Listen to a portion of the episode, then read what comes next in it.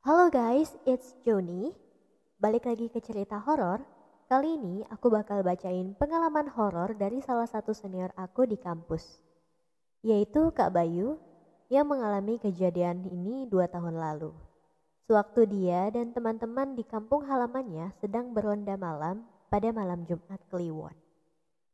But before we start, I'd like to say thank you buat Kak Bayu karena udah sharing pengalaman horornya bareng Restart. Now let the story begin.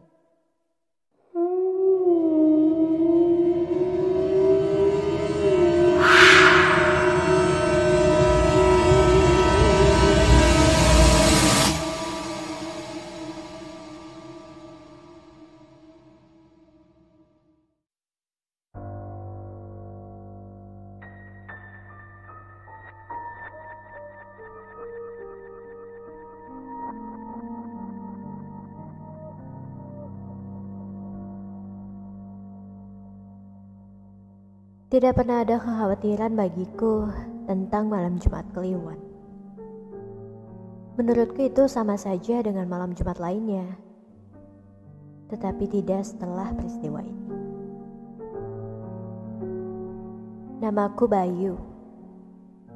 Waktu itu saat aku pulang ke kampung halamanku, desa di mana tempat aku tinggal dulu sedang dilanda rumor maling.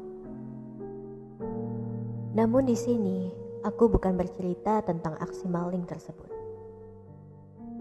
Aku akan bercerita tentang bagaimana peristiwa paling mengerikan yang pernah menimpaku.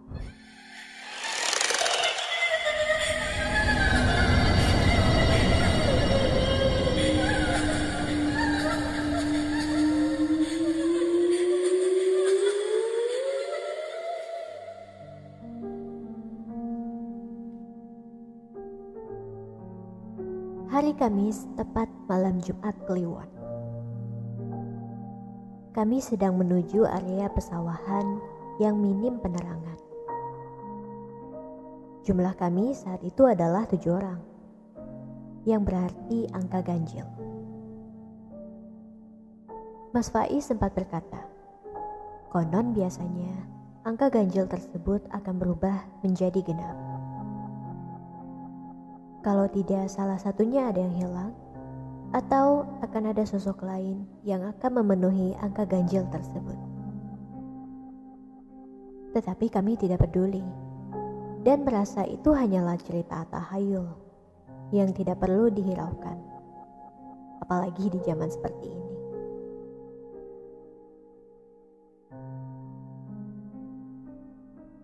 Setelah beberapa lama kami di area pesawahan, namun yang ditunggu tak kunjung datang.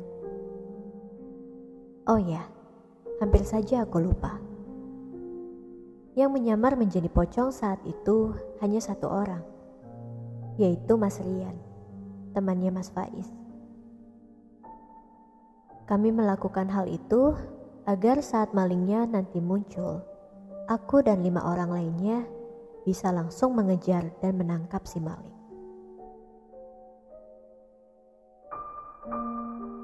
Berhubung kami mulai bosan karena tak ada orang mencurigakan yang muncul. Kami pun akhirnya menyerah. Namun tepat di saat itu juga, Mas Rian dengan dandanan pocongnya mendadak tergagap. Dia bilang, kalau ia baru saja melihat sesuatu di atas langit. Kami terhenyak dan serentak mendongak ke arah yang ia tunjuk. Hingga aku tersadar bahwa kini bulu kuduku berdiri. Mas Faiz dan temannya yang lain memandang ngeri melihat objek di atas sana. Tepat di atas kami, ada sesuatu berwarna putih yang tengah melayang. Aku sempat berpikir bahwa itu hanyalah plastik yang terbang tersapu angin. Tetapi benda tersebut sama sekali tidak bergerak, meskipun angin sedang berhembus dengan kencang.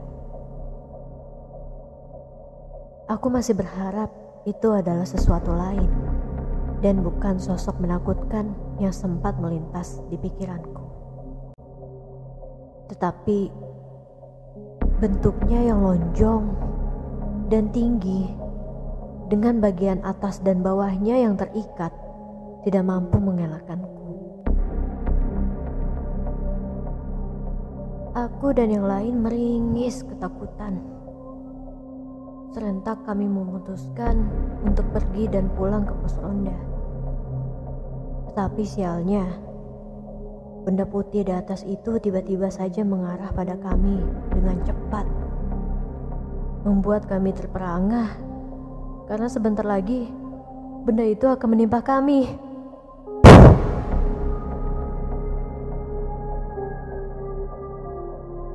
Sosok benda menyeramkan itu jatuh tepat di atas kami berpijak. Entah sudah menubruk siapa. Namun aku yakin bahwa benda itu jatuh tepat di sampingku. Aku tidak berani melihat dan tidak tahu seperti apa wujud aslinya jika dilihat sedekat ini. Kami semua panik, namun tubuhku tidak mampu bergerak, saking syoknya. Aku mendadak lumpuh dan tidak bisa ke mana-mana. Tetapi untungnya, Mas Faiz yang saat itu mampu bergerak langsung meraih tanganku, membuat persendian tubuhku kembali normal.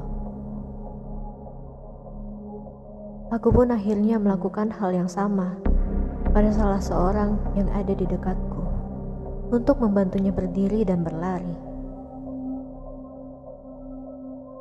Kami terus berlari tanpa menoleh ke belakang, hingga akhirnya sampai di pos ronda yang ada di tengah-tengah desa.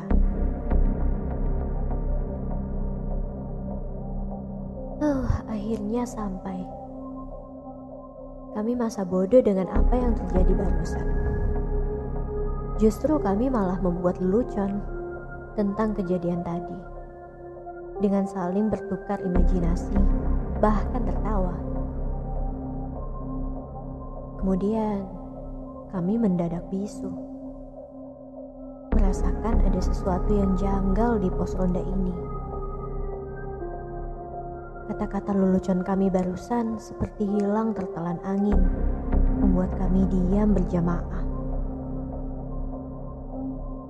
Kami kembali merasa merinding bukan karena kejadian kejatuhan sosok barusan, juga bukan karena jumlah kami yang berkurang ataupun bertambah. Nyatanya kami masih bertujuh, benar-benar bertujuh. Tapi sosok yang memakai kain putih di sudut sana hanya terdiam di saat kami tertawa. Penerangan yang minim membuat kami tidak sadar. Sosok yang duduk di pojok sana terbungkus kain putih, menutupi wajahnya lengkap dengan ikat tali di atas kepala dan bawah kakinya. Jantungku berpacu cepat. Itu itu jelas bukan Mas Rian yang sedang menyamar.